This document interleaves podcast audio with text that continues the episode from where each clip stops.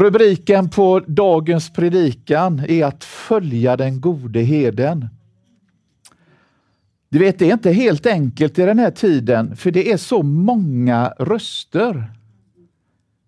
Vad, var liksom, alltså, vad, vad är du liksom? Det råder liksom en förvirring och det, det är röster som läggs på röster och vi tar in väldigt mycket via media på olika sätt. Det är väldigt många röster som får tala in i våra liv.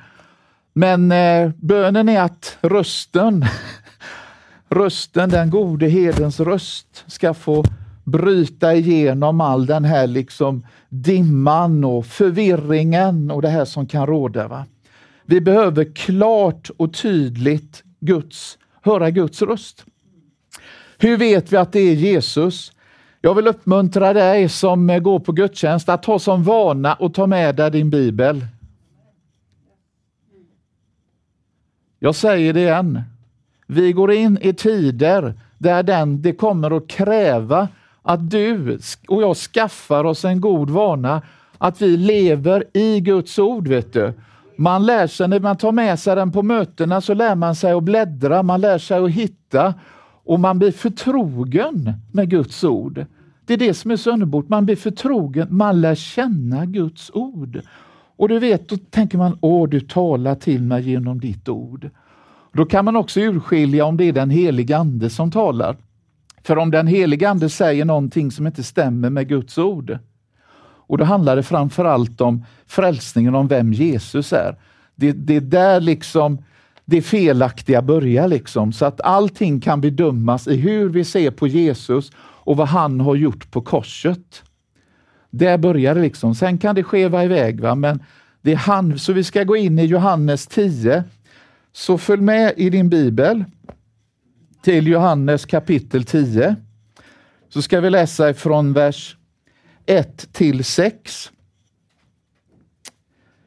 Jag säger i sanningen, den som inte går in i fårfållan genom porten utan tar sig in från annat håll, han är en tjuv och en rövare, men den som går in genom porten är fårens herde.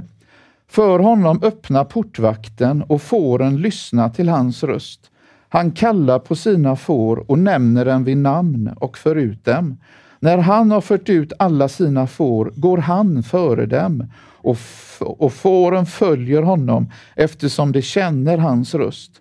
Men en främling följer inte utan flyr från honom, för de känner inte främlingars röst. Denna liknelse berättade Jesus för dem, men de förstod inte vad han ville säga dem. Johannes evangelium, det är, jag kallar Johannes för insidans evangelist. Han berättar mer om det inre livet, efterföljelsen, än vad Matteus, Markus och Lukas gör. Man kallar Matteus, Markus och Lukas för synoptiker. Jag brukar säga att de ser evangeliet ungefär genom samma glasögon. Men Johannes, han ser, han är insidans eh, evangelist. Och du vet att Jesus har gjort massa saker här i Johannes, i texterna innan. Han har botat sjuka. Eh, senast i kapitlet innan, då botar han en blind man. Va? Men det föll inte det andliga ledarskapet på läppen precis, utan de eh, börjar ifrågasätta Jesus. Och det är egentligen det som sker när Jesus går omkring runt om i Israel. Han väcker frågor hos folket. Vem säger ni att jag är? Vem är du Jesus? Oj, är du en profet? Du, du botar sjuka, det, det gjorde Elia och andra också. Du är en rabbi, du är en god lärare. Det finns många olika, ska man säga, omdömen om vem Jesus är. Och framför allt så är man kritisk mot Jesus själv i det här. Och fariseerna som utgör en del av det andliga ledarskapet, man ska inte skälla för mycket på fariseerna, för jag ska tacka fariseerna. Utan fariseerna hade vi nog inte haft bokrullar så intakta som var då, för deras uppgift var ju att förvalta skriften. Sen att de inte förstod det, det är en annan sak. Men det var deras uppgift, så att eh, all heder åt den uppgiften som, som eh, fariseerna hade på den tiden. Värdefullt. Och, men du vet, de hade ju som uppgift att vårda församlingen, vårda fåren. Och det, det är det som är det stora problemet, är för när Jesus går omkring i Israel så ser han får utan hede. Han ser att det finns ett ledarskap som inte bryr sig om människorna, folket i Israel. Och över det så har han en sorg. Men han har också ett fantastiskt budskap. Han har ett fantastiskt budskap och ett fantastiskt hopp till människorna. Och du vet, det här, det är ingenting som bara händer där och då. liksom. Vi kan gå eh, sex, ja, kanske 500-600 tillbaka innan. Det är inget nytt fenomen. Och när vi går till Hesekiel 34.4. Hesekiel 34 och vi läser från eh, vi kan läsa från vers 1 eh, till och med 4. Herrens ord kom till mig. Människobarn, profetera mot Israels herdar, profetera och säg till dem, så säger Herren Gud, ve er, ni Israels herdar som bara tagit hand om er själva. Skulle inte herdarna ta hand om jorden? Istället åt ni upp det feta, klädde er med ullen och slaktade de gödda djuren.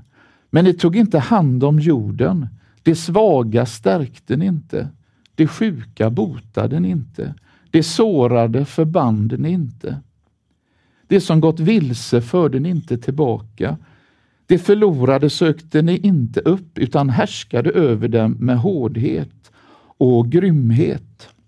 Och konsekvenserna blev, blev att de skingrades redan på den tiden. Och Det är det som vi ser sker idag. Vi ser en stor skara av den gode hedens får som skingras ut över landet. Varför då? Därför att nummer ett, för att man inte håller sig till Guds ord överallt som man borde göra. Och Det gör att fåren, fåren inte längre får mat. De får inte längre det som de behöver. Och eftersom vi har en överlevnadsinstinkt som är väldigt stark i oss och har man, och har man någonting av en självbevarelsedrift, då, då söker man sig dit man får mat. Va? Man söker sig dit där man får uppleva mat, man får uppleva omsorg, man får uppleva kärlek, man får uppleva att man får växa, man får uppleva att man får eh, möta den uppståndne Herren Jesus Kristus, inte bara en gång, utan gång efter gång efter gång efter gång. Va? Och det är det vi behöver. va? Det ständiga mötet, det levande mötet med den uppståndne Herren och frälsaren Jesus Kristus. Men du vet, det, det finns ett hopp. Jag ska inte säga, jag har, jag har varit ganska skarp så i tidigare predikningar och berört liksom eh, områden. Jag ska inte göra det idag, utan idag ska jag ha mer fokus på den, på den gode heden. Ni som eh, har hört innan, ni vet ungefär hur, hur landet ligger, höll jag på att säga. Så att jag tänkte istället att jag ska sprida ett, ett hoppens budskap idag. Jag vill sprida ett hoppets budskap idag. Det stora hoppet är att tänka att överallt så finns det vilsna själar. Då i Israel på den tiden, då fanns det de vilsna själarna. De vilsna fåren som irrade runt omkring. Och ser du bilden av de vilsna fåren som går utan att någon herde går bredvid dem. De går där själva. De går där själva och söker. Men du vet, i Hesekiel 10 så står det så här. Så säger Herren Gud. Se, jag är emot hedarna och ska utkräva mina får ur deras hand. Det var i samma kapitel, Hesekiel 34, vers 10. Jag läser det igen, Hesekiel 34, 10. Så säger Herren Gud, se jag är emot hedarna och ska utkräva mina får ur deras hand och göra slut på deras hedertjänst. Hedarna ska då inte mer kunna föda sig själva på detta sätt, för jag ska rädda mina får ur deras gap så att det inte blir föda åt dem. Halleluja. Och så går vi vidare. Vers 11 i samma kapitel. För så säger Herren Gud, jag ska själv söka upp mina får och ta mig an dem. Liksom en herde som tar sig an sin jord när han, bland, när han är bland sina får som varit skingrade. Så ska också jag ta mig an mina får och rädda dem från alla orter dit de skingrades en mörk och mulen dag. Jag ska föra dem ut från folken och samla ihop dem från länderna och låta dem komma till sitt eget land och föra dem i bet på Israels berg.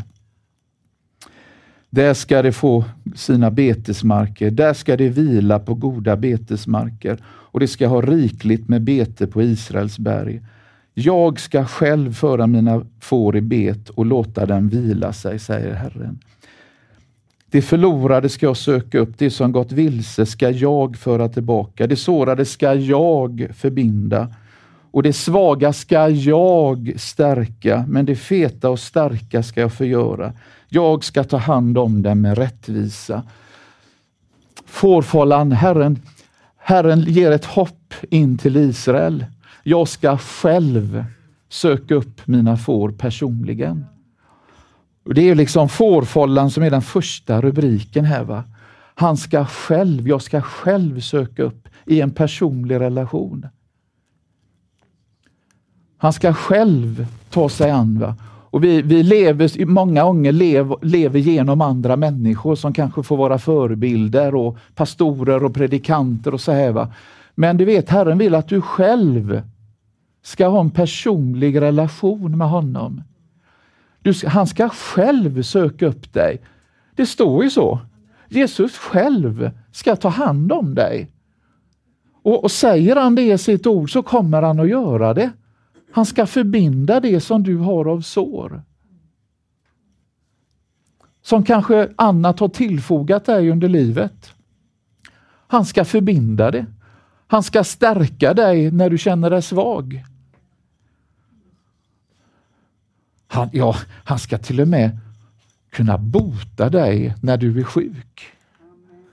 Och han ska föra dig på bete. Är inte det underbara luften?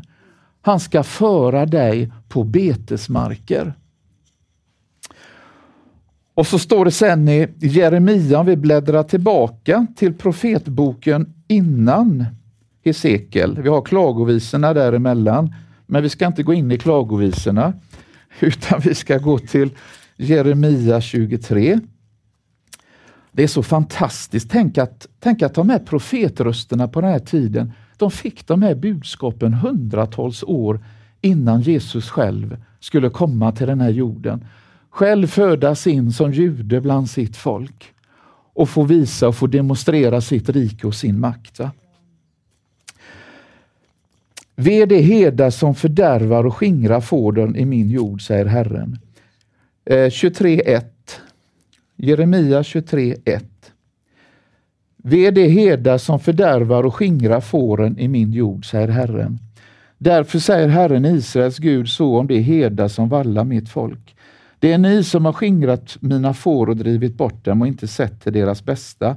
Men se, jag ska straffa er för era onda gärningar, säger Herren.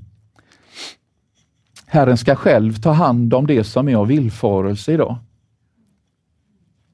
Och det, det är allvarliga ord. Va? Så vi, vi behöver inte ta hand om det, utan det ska Herren själv göra.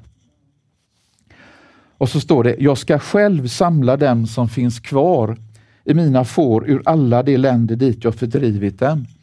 Och jag ska föra dem tillbaka till deras betesmarker. Där ska de bli fruktsamma och föröka sig. Jag ska sätta herdar över dem som ska valla dem och de ska aldrig mer behöva vara rädda eller modlösa och ingen av dem ska saknas, säger Herren. Så det är det vi kommer att få se nu i det här landet, hur Herren själv jag får samtal ibland av människor som frågar mig, Göran, ska jag, ska jag gå ur min församling? Jag vågar inte säga till dig att du ska gå ur din församling. Men om Herren säger det, då ska du göra det. Om Herren säger det, om du liksom har blivit överbevisad på något sätt. Va? Och det kommer så, men eh, det är på gång nu. va. Herren håller på att samla sitt, sitt folk i det här landet. Fåren från olika skäl. Han ska själv föra ut dem. Va? Och Då behöver inte vi vara där och manipulera eller försöka övertala eller överbevisa, utan Herren själv ska tala övertygande och själv ta var och en vid handen och leda människor in i de sammanhang där Herren har placerat, som Herren har förberett, så att fåren får mat. Det är ju det som det handlar om idag. Det är det som, vi har ett matproblem. Halleluja, det är liksom, men Herren han har en lösning på det här. va. Han har en lösning på det här. va. Han har ett löfte. va.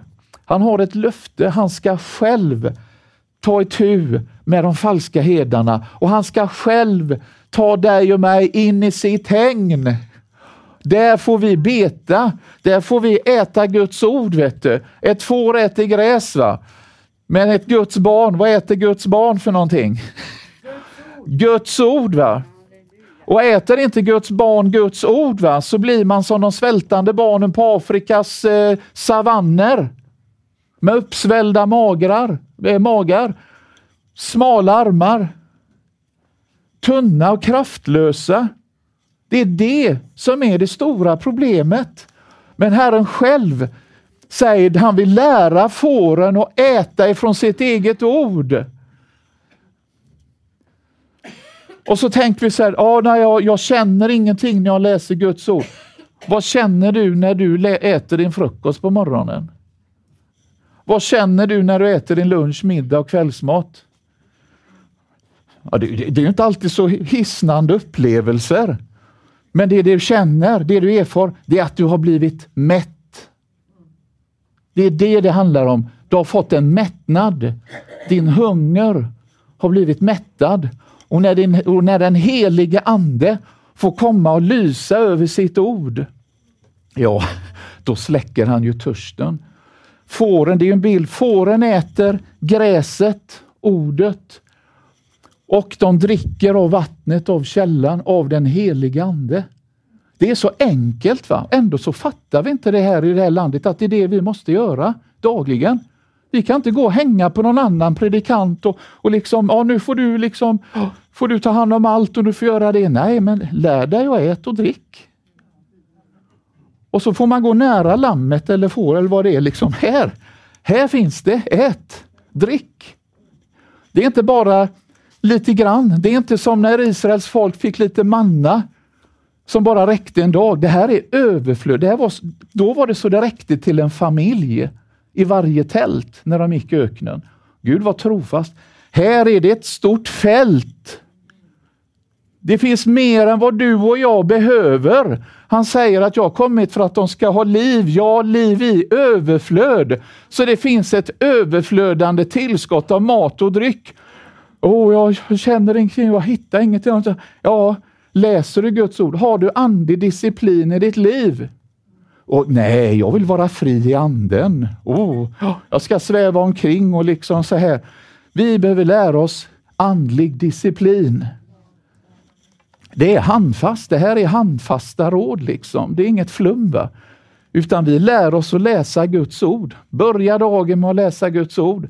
Börja dagen med att be. Vet du. Då ska du få se att de här skeva tankarna, det här liksom skatbot i huvudet, det här liksom trasslet. Va? av tankar och fiendens attacker och våra eget kött och, vad människor, du vet allting. Det bara skingras va? och du får bara sätta det här och så blir man lugn och så kommer friden. va. Det är det, det, Guds rike består av glädje, frid och rättfärdighet i den helige Ande. Halleluja! Visst är det underbart? Visst är det underbart att, vi, att han, är, han, han skämmer bort sina barn. Ordet som vi läste nu i Jeremia 23, jag ska själv sätta herdar över mitt folk. Det går i uppfyllelse rent praktiskt genom Paulus undervisning i Fesebrevet kapitel 4. Och han gav några till apostlar. Vad stod det? Och han gav. Vem då? Han. Det var inte någon människa, det var inte ett teologiskt institut eller det var inte någon annan som rekommenderade honom, eller det var inte någon från någon liksom prästerlig familj eller missionssläkt eller någon pastorsläkt eller så, utan det stod att det var han som gav. Det kan inte vi ta oss. Han gav några. Några står det till apostlar. Det är den delen där. Det finns inga apostlar idag av den benämningen. För läser du sen Uppenbarelseboken längre fram så stod det när portarna var efter de tolv apostlarna. Så det finns bara tolv apostlar. Va?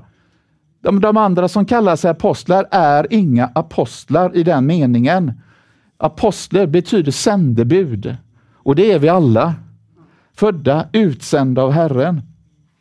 Och så står det andra då, några till apostlar, andra då till profeter, andra till evangelister och andra till herdar och lärare.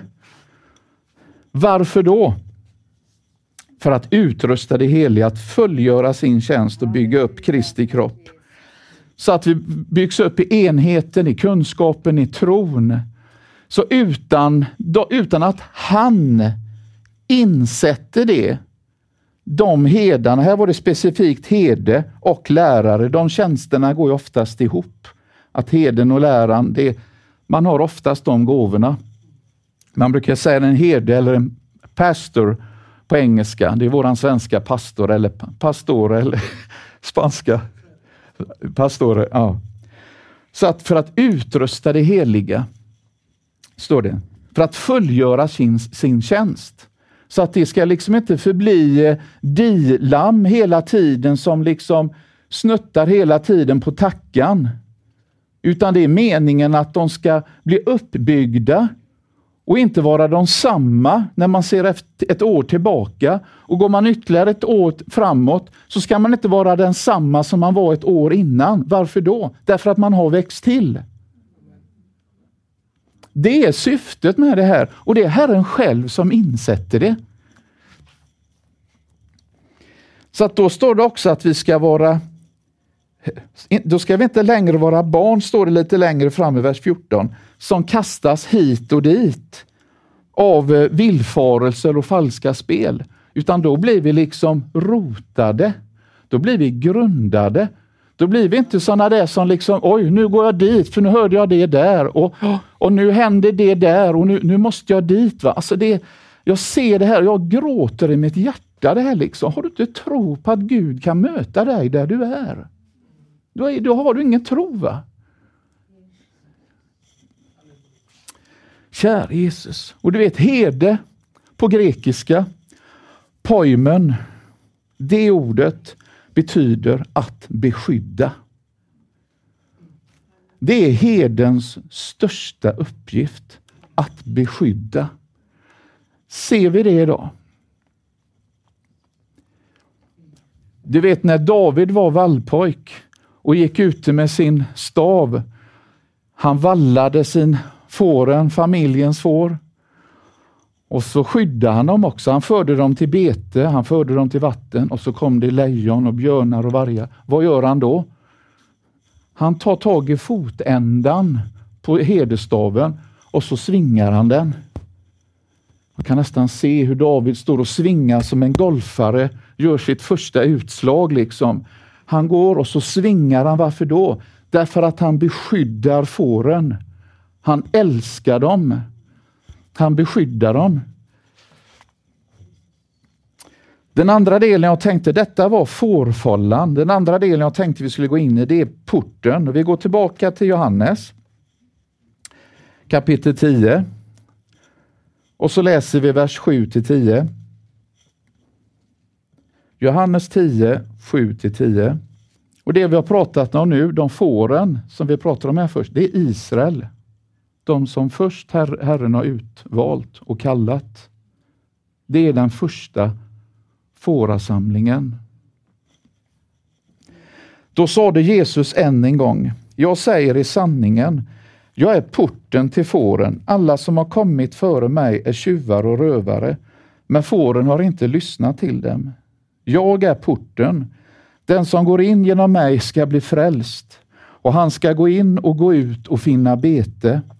Tjuven kommer bara för att stjäla, slakta och döda. Jag har kommit för att de ska ha liv och liv i överflöd. Halleluja, vet du. Kär Jesus. Han säger att han är porten. Det behövs en, eh, man måste gå igenom en port för att komma in i fårfållan. På den tiden så var fårahuset det var en central plats och så var det oftast omgärdat med en mur. Och så fanns det endast en ingång. Så man kunde inte komma in i fårafållan hur som helst. När Jesus säger att de som har kommit mig är tjuvar och rövare, det betyder att de har klättrat över muren på andra håll och utsett sig själva till herdar över fåren. Utan det är när man går igenom porten. Man kan inte lyfta in, inte heller kan ett får, en människa försöka att komma in i fåraskocken och försöka säga, ja men jag är en kristen nu. Det är du inte alls det. Man kan ha tillbringat 24 timmar i församlingen. Man kan ha varit med och skurat och städat och, och tvättat varenda säte med tandborste i 40 år. va? Och ändå inte vara ett Guds barn. Jag ska förklara varför. Lukas 7, 21-22. Vi går till Lukas, förlåt, Lukas 10, 21-22. Var jag tydlig nu? Lukas 10, 21-22. Hur kommer det sig? Hur, hur, hur liksom får en människa, liksom hur, hur går det till när en människa liksom blir frälst? Liksom? Hur går det till? Så står det så här i vers 21. Lukas 10, 21. I samma stund jublade Jesus i den helige Ande och sade Jag prisar dig, Far, himlens och jordens Herre, för att du har dolt detta för det visa och kloka och uppenbarat det för små barn. Allt har min fader överlämnat åt mig och ingen vet vem sonen är utom fadern, eller vem fadern är utom sonen och den som sonen vill uppenbara honom för. Vi behöver en rätt uppenbarelse om Jesus Kristus. Du vet, det talas om att det finns en slöja över människan. Det är först när den slöjan försvinner från ögonen och det är bara Herren som kan... Du blir inte frälst för att du ber en frälsningsbön. Du blir frälst för att han har uppenbarat dig för dig. Att han har visat vem, vem han är för dig. I den här tiden så behöver vi uppenbarelse. Det är ingenting som vi kan ta oss heller, utan han uppenbarar sig för dig och mig. Han visar det vi inte såg innan. Det ser vi nu. Och var sker det någonstans? Ja, vi ser ju inte Guds rike med våra ögon, men det sker ju här inne. Helt plötsligt så ser vi. Men det är här, det är med vårt hjärta. Det, det är där han uppenbarar sig. Där vi, har blivit, vi blir tabernakel eller tempel för den helige Ande. Han har valt att uppenbara sig i dig och mig. Och så har vi några bi klassiska bibelställen. Johannes 3.16. Så älskade Gud världen att han utgav sin enfödde son för att var och en som tror på honom inte ska gå förlorad utan ha evigt liv.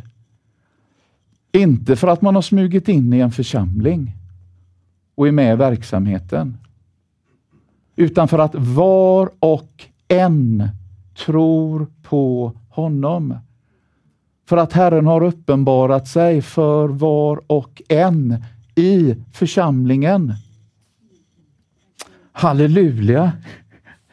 Så älskade Gud världen, så älskade Gud dig och mig. Varför då? Det finns en syfte med det här. Vi får inte prata om det. Det finns ju ett helvete. Och det finns en himmel. Han älskade dig och mig så mycket så att han gav sitt eget liv för dig och mig. Varför då? Inte för att vi var lite sådär, utan för att vi var rötna utifrån det perspektivet att vi inte kan utföra Guds vilja. Vi var fyllda med ondska och synd. Genom våra överträdelser, genom den naturen vi hade fått från Adam, från syndafallet. Det går i generation efter generation efter generation efter generation. För att var och en utav oss ska få bli frälsta. Och inte vilket, vilket budskap! Han ger sitt liv för dig och mig för att inte vi ska hamna i helvetet. Det är ingen rolig tillvaro min vän. Har du upplevt smärta någon gång i ditt liv? Har du upplevt plåga någon gång i ditt liv? Det är ingenting mot det en människa får, får ha och uppleva i en hel evighet för att man har vänt Jesus ryggen. För att man inte vill tro på honom. Tänk, vet du, det är det, det är det som är räddningen. Det är det som är de goda nyheterna. Att han har gjort det för dig och mig för att du och jag ska ha evigt liv och inte gå evigt förlorade. Det spelar ingen roll vad, vilket, vilken bakgrund du har, var du kommer ifrån och hur, hur andlig din släkt har varit. Det är bra i en betydelse. Du har fått lära känna skrifterna och liksom bekanta dig med det som händer runt omkring dig. Va? Men det ska ske i dig och mig. Va? Halleluja! Det är där det sker. Va?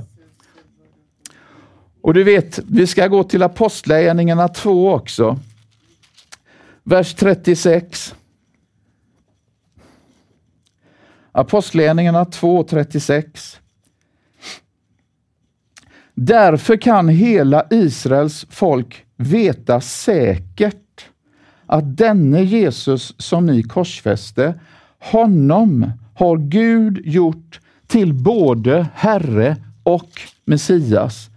När de hörde detta högg det till i hjärtat på dem och de frågade Petrus och de andra apostlarna, Bröder, vad ska vi göra? Petrus svarade dem, omvänd er och låt er alla döpas i Jesu Kristi namn så att era synder blir förlåtna. Då får ni den helige Ande som gåva. Löftet gäller er och era barn och alla dem som är långt borta, alla som Herren vår Gud kallar. Tänk omvändelse. Om Jesus står där så är ditt och mitt naturliga utgångsläge där. Jag kan själv, jag gör som jag vill, jag behöver ingen. Jag är självständig, jag är en fri tänkande varelse, oerhört intelligent, oerhört begåvad, om ni bara visste. Och så går man på vägen och så upplever man nederlag efter nederlag. Det går inte så bra. Hur gick det? Det gick inte så bra. va? Och det är när man upplever det som man börjar att ropa, som man börjar omvända sig. Och när en människa börjar i den riktningen så har ju han en förmåga som står där och vilja svara och hjälpa dig till omvändelse så att du kan börja här. Och så helt plötsligt, ja Jesus, jag tror. Du har uppenbarat dig för mig. va? Jag har omvänt mig från mitt gamla liv och jag vill komma till dig för att leva det nya livet. Och så bekänner man sina synder och så blir man döpt i vatten. Man blir inte skvätt på med lite vatten, utan man blir nedsänkt i vattnet. va? Och så begravs man med sitt gamla liv och så får man resas upp till ett nytt liv med honom. vet du. Det här är ingenting som vi gör som vi vill med, utan vi gör som det står i Guds ord. Då blir vi välsignade efter det som står i Guds ord. Då får vi erfara och uppleva det. Käre Jesus. Halleluja. Vi ska gå till Romarbrevet 6 också. Romarbrevet 6, 3-5. Eller vet ni inte att alla vi som är döpta till Jesus, eh, Kristus Jesus är döpta till hans död?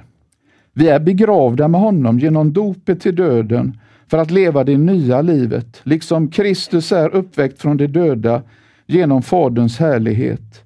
För om vi är förenade med honom i en död som hans, ska vi också vara det i en uppståndelse som hans. Halleluja, vet du. Ett nytt liv.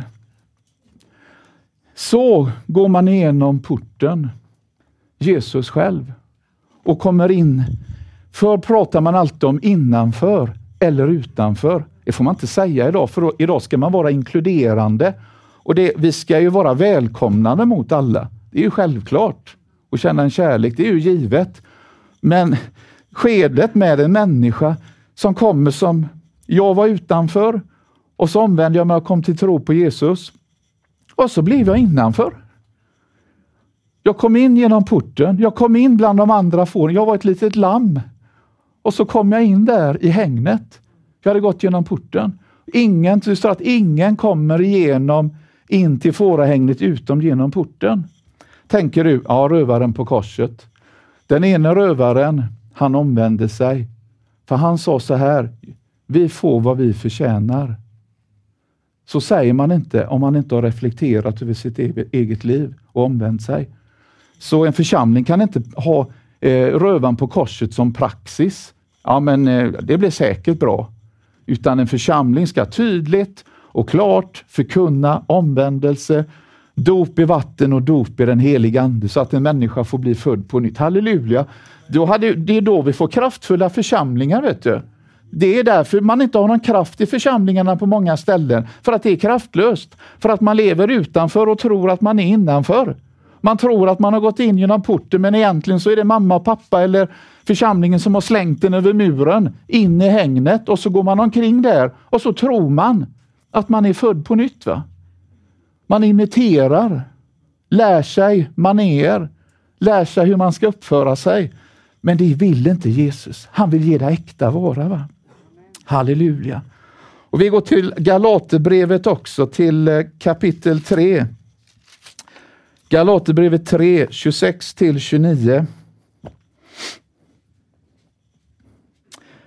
Återigen Paulus som skriver.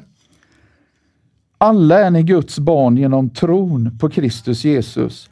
Alla ni som har blivit döpta till Kristus har iklätt i Kristus. Här är inte jude eller grek, slav eller fri, man eller kvinna. Alla är ni ett i Kristus Jesus och om ni tillhör Kristus är ni avkomlingar till Abraham, arvingar efter löftet. I Kristus. Det som sker i att den, den sociala strukturen, herre eller slav, där Herren är längst upp och slaven längst ner, den gör en sån rörelse i Kristus. Det är alltså ett jämlikt förhållande. Det är likadant med man och kvinna. Värdet och jämlikheten blir likadan. Va? Det är ju, det är ju feministteologi, om man nu ska nu prata om feminism. Det, det är liksom eh, juden som var här uppe och hedningen som var här i Kristus Jesus. Då sker den delen. Va? Så att alla har blivit lik. Det finns inga liksom första får eller andra får eller femte klassens får. Det finns en slags skapelser i Kristus och det är den som har blivit född på nytt. va? Det finns, en, det finns bara en kategori. va? Det finns ett folk. va? Halleluja! Käre Jesus, är inte det underbara nyheter när man känner mindervärdeskomplex mot någon? Eller känner att han eller hon är fantastisk och jag känner mig någonstans här nere. Du ska veta, det finns bara ett slags A-får och det är alla som har tagit emot Jesus Kristus och har lämnat sitt liv till honom för att leva ett nytt liv tillsammans med honom. Halleluja, halleluja. Nu ska vi gå till eh, den sista punkten, hedens och fårens relation. Vi går tillbaka till Johannes 10. Och så tar vi från vers 14 till eh, 21. Däremellan i vers 11 till 13, där säger Jesus att jag är den gode heden och med det menar han att jag, jag är den som ger mitt liv för fåren. Det har ingen annan gjort. Därför är han den gode heden. Han, han, han gör det genom eget exempel. 14 21. Jag är den gode heden. Jag känner mina får och mina får känner mig. Liksom Fadern känner mig och jag känner Fadern och jag ger mitt liv för fåren. Jag har också andra får som inte hör till den här follan Också dem måste jag leda. Och det kommer att lyssna till min röst. Så ska det bli en jord och en hede. Fadern älskar mig därför att jag ger mitt liv för att sedan ta det tillbaka. Ingen tar det ifrån mig, utan jag ger det av fri vilja. Jag har makt att ge det och jag har makt att ta tillbaka det. Det budet har jag fått av min far. Efter de orden blev det på nytt splittring bland judarna. Många av dem sade, han är besatt och galen. Varför lyssnar ni på honom? Andra sade, så talar inte en som är besatt. En ond ande kan väl inte öppna ögonen på blinda? Relationen mellan jag känner mina får och mina får känner mig. Det är egentligen ett, ett kvitto på om man har en gudsrelation eller inte. Känner du inte Jesus, ja, men då har du ingen rela gudsrelation.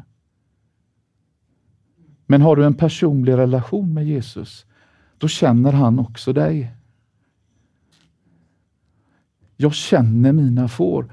Och Det grekiska ordet för känner, det är mycket intimare än att bara ha liksom en, ja, jag, jag, jag känner det, jag vet vem det är. Det är en intim, det är en väldigt intim relation. Att känna någon. Det var oftast det ordet man använde när en, när en man kände en kvinna. När man gick in i kammaren för att ha eh, sex. Ja. Det är fantastiskt alltså. Det är så, så känner att det är så man och kvinna blir ett.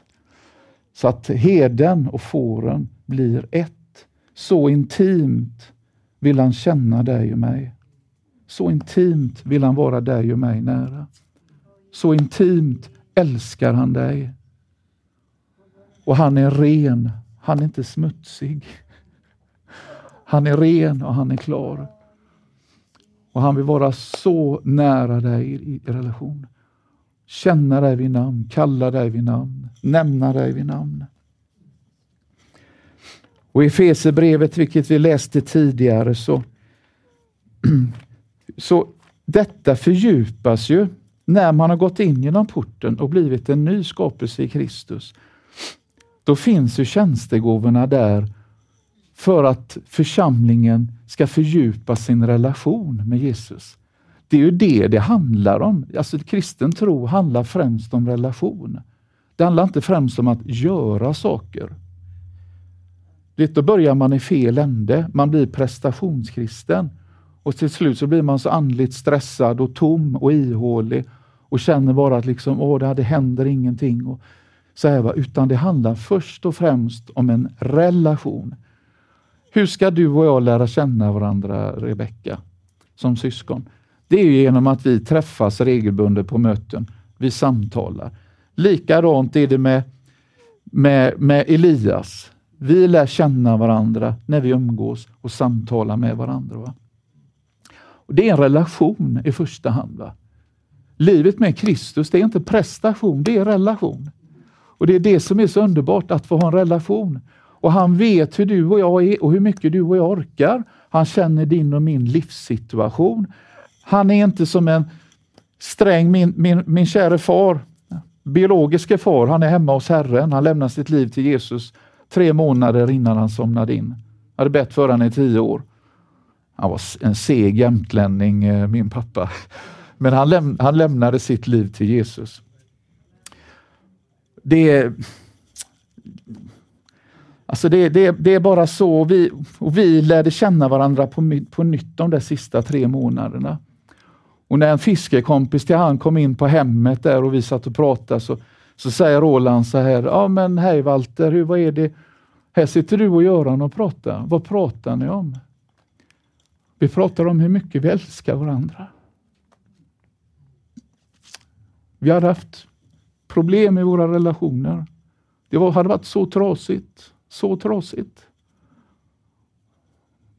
Men vi försonades. Vi pratade, vi pratade inte om prestationer när vi prat, samtalade den tiden. Vi pratade om hur mycket vi älskade varandra. Och Han sa, förlåt mig Göran, för att jag, jag var så galen i fisket. Ibland valde jag det framför dig och din lilla syster. Jag vet det pappa.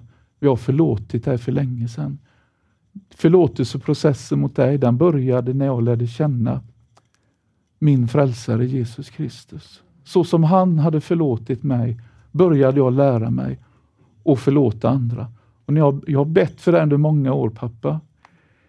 Innerligt, i början var det svårt. Men det vet till slut så kände jag bara kärlek i bönen. Vet du. Det är svårt att inte börja älska någon som man ber för. Så har man svårt med någon så ska man be för någon. Man ska tacka Gud för någon människa. Jag vet, det var en, en broder som sa, jag ska be för den skitstöveln på ren svenska. Det var så han kände. va? Det var inte så fromt. Men det var ju det som kom upp. va? Det låg överst i påsen. Och så går tiden och så förändras attityden och så kommer kärleken. Den nåden, vet du. Han som har gett sitt liv för dig. Den försoningen, den kärleken börjar man älska med. Och så är det också med tjänstegåvorna. Det vi, vi, vi, vi läser på apostlarnas grund, vi bygger vidare på apostlarnas grund. Vi får profetera, vi får eh, vara evangelister, vi får vara herdar och lärare. Varför då? Därför att vi ska fördjupa vår relation med den uppståndne frälsaren. Och det sker genom andlig disciplin också. Det är inte bara att göra som man vill och gå på känslor och så här och, och liksom impulser, utan det är faktiskt en disciplin. Det är en skola, det är ett lärjungaskap. Och det är ett underbart lärjungaskap. Jag är så tacksam för att en profetissa talade till mig när jag var nyfrälst. Jag har säkert delat det förut, men det tål att delas om och om igen, för det är lika levande som det var för 22 år sedan. Hon kom från sydstaterna i Texas via Afrika och skulle upp till Europa. Och pastorn i den församlingen hade henne på radarn och sa kom, kom till oss och dela ett Guds ord. Inte en susning om vad hon predikade. Men det hon sa i slutet på mötet efter hon hade slått ihop sin bibel och jag satt ute på kanten ungefär där Irene sitter. Och så gick jag ut och så säger hon så här. Så säger Herren, du ska ta tid med mig varje morgon i mitt ord. Och du ska få tala till många människor och de ska lyssna och du ska tala lugnt. Det ordet är lika levande än idag. Första kallelsen var inte prestationen att nå ut till människor. Första meningen i den kallelsen, det var att du ska ta tid med mig. Halleluja! Så underbart! va? Och så har vi nådegåvorna i första Korinthierbrevet 12, 1-13. De, de tjänar ju också de här gåvorna till att vi ska fördjupa vår relation. Det handlar inte bara om, det handlar liksom inte primärt av, om upplevelser på det sättet, utan det finns ett konkret syfte med dem.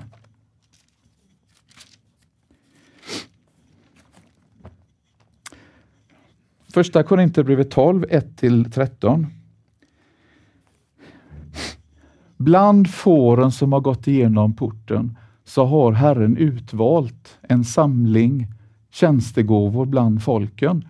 Men eh, fåren är fortfarande får, trots att de har, är herdar och profeter och evangelister. Man är fortfarande ett får. Man ska fortfarande själv låta sig ledas och gör man inte det, då missar man hela sin kallelse och så går man vilse själv.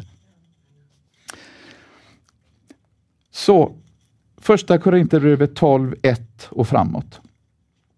När det gäller de andliga gåvorna bröder, vill jag inte att ni ska vara okunniga. Ni vet att när ni var hedningar drogs ni oemotståndligt till de stumma avgudarna.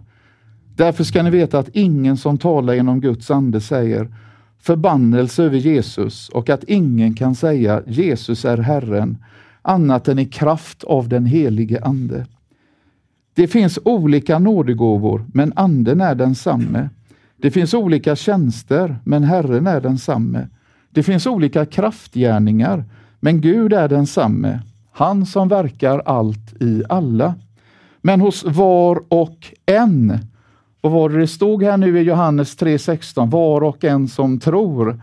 Så över det, det, det är nåd att få be ett Guds barn. Det är nåd att få en tjänstegåva och det är nåd utöver nåd utöver nåd att få en nådegåva. Så allt handlar om nåd.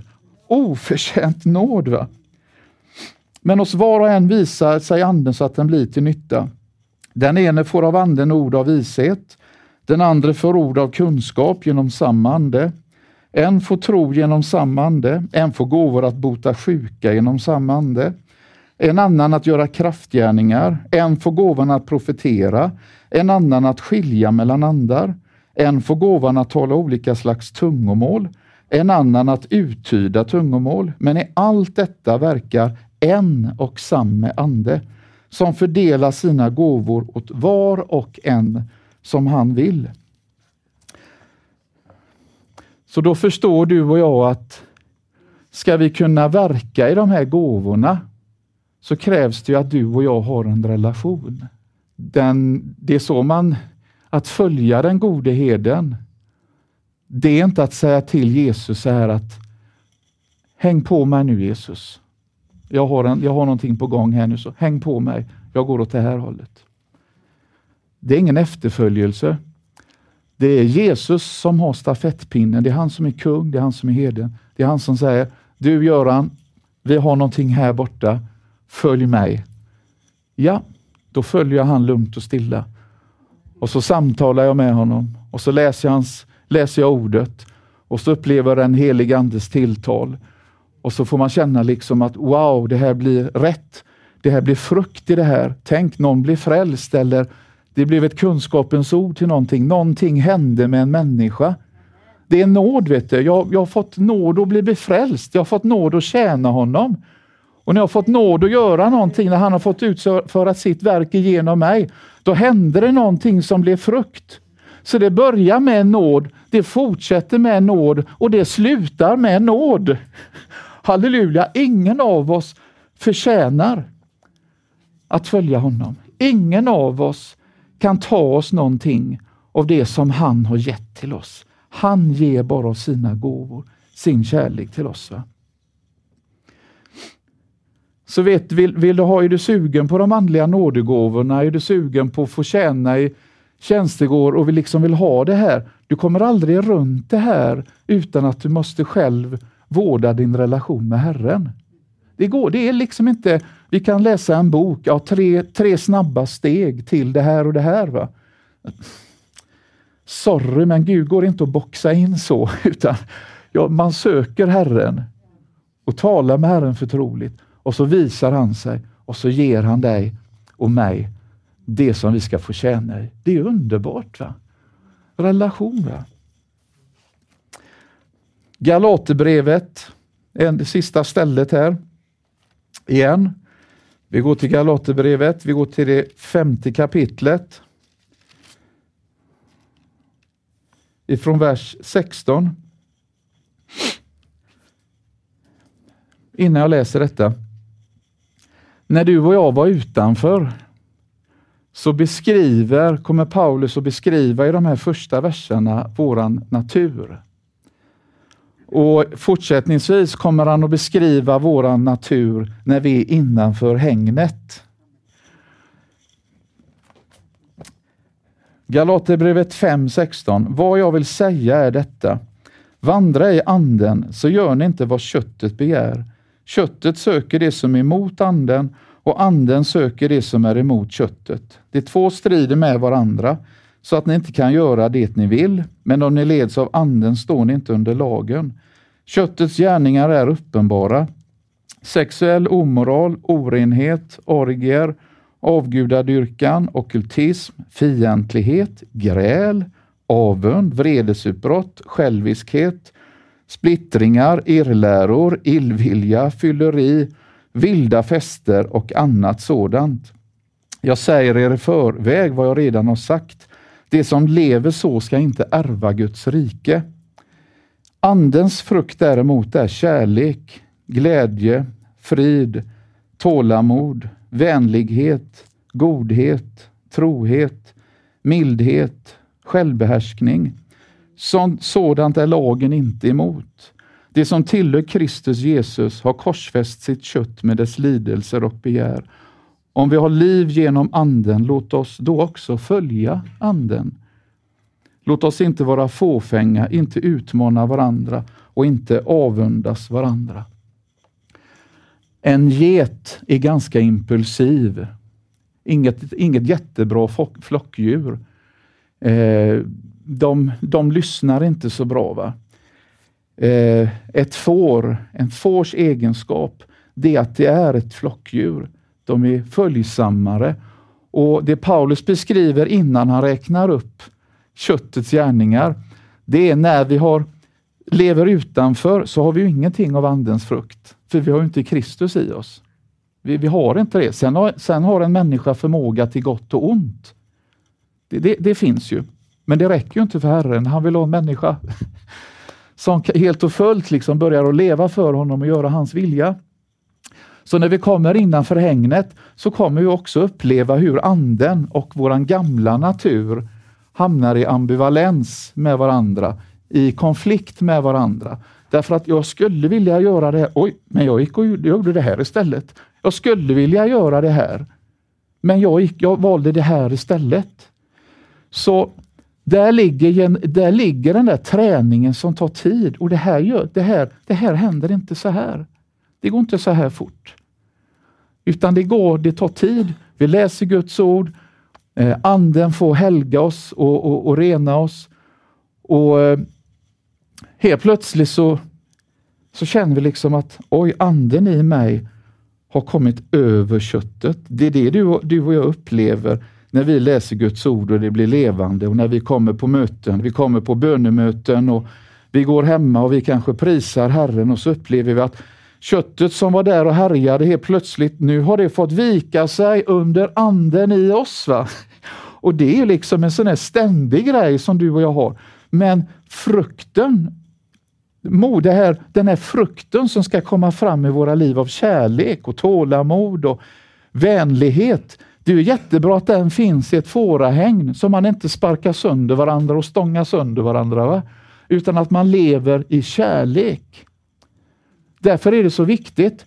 Jag tänker att ja, men jag, jag vill gärna åka hit och dit och jag vill uppleva väldigt mycket och säga jo men det är bra va, men är du ett lamm så ska lammet hålla sig i hängnet. Varför då? För du har inte fått den erfarenheten och mognaden så att du kan åka ut överallt och vara med överallt. Ett lamm blir lätt vilsefört. Det är kärlek det här förstår du. Därför får lammet växa till i hängnet. Sen står det när man har, lammet har vuxit till och liksom börjar bli ett får och börjar få en mognad. Ja, du kan gå ut och finna bete och du kan gå in och finna bete. För du vet var ditt andliga hem är någonstans. Sista ordet i slutet på Johannes 10. Nu har du fått höra om fårfållan, porten, heden och fårdens relation. Och nu kommer också en inbjudan till dig. I slutet på Johannes 10 så beskrivs det att Jesus, i 40, från vers 40, sedan gick han tillbaka till stället på andra sidan Jordan där Johannes hade varit den första tiden när han döpte. Där stannade han, många kom till honom och sade, även om inte Johannes gjorde något tecken var allt han sa om Jesus sant och många kom till tro där på honom.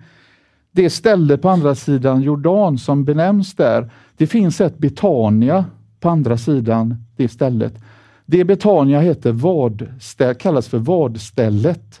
Det kan vara det stället där eh, Josua och Herren gick över. Eh, det stod att när prästerna, när de tog förbundsarken och gick ut i Jordans flod, så står det att floden stannade uppe vid Adam, vid Sareta.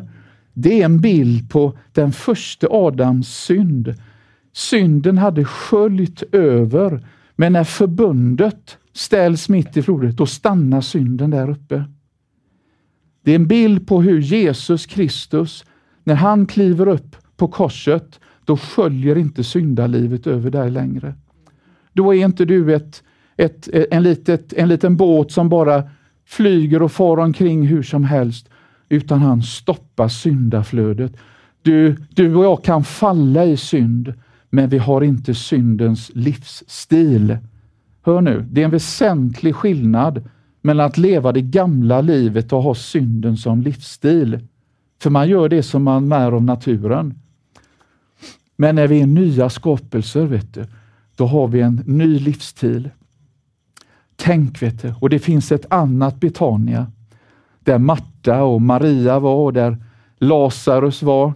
Och det Betania kallas för fattighuset. Jesus kom dit. Han kunde inte göra mycket i Jerusalem. För de var kunniga, de var välbärgade, de tyckte de hade allting på plats. Därför kunde inte Jesus göra mycket där av sina under. Så jag tror att du behöver vada ut, gå över vadstället i fattighet. Nu pratar jag inte om att bli munk eller något annat, missförstå mig inte nu. Utan att du och jag behöver vara fattiga så att han som är rik kan bli rikedomen i oss.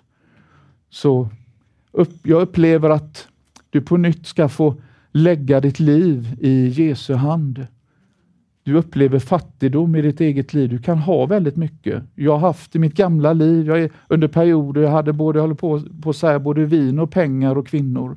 Men ingenting hjälpte. Det slutade med att jag kände mig som den fattigaste av de fattiga. Ingenting kunde jag behålla. Va? När jag mötte Jesus, då insåg jag vad sann rikedom var. Va? Halleluja. Folket frågar i Israel, vem är du Jesus egentligen?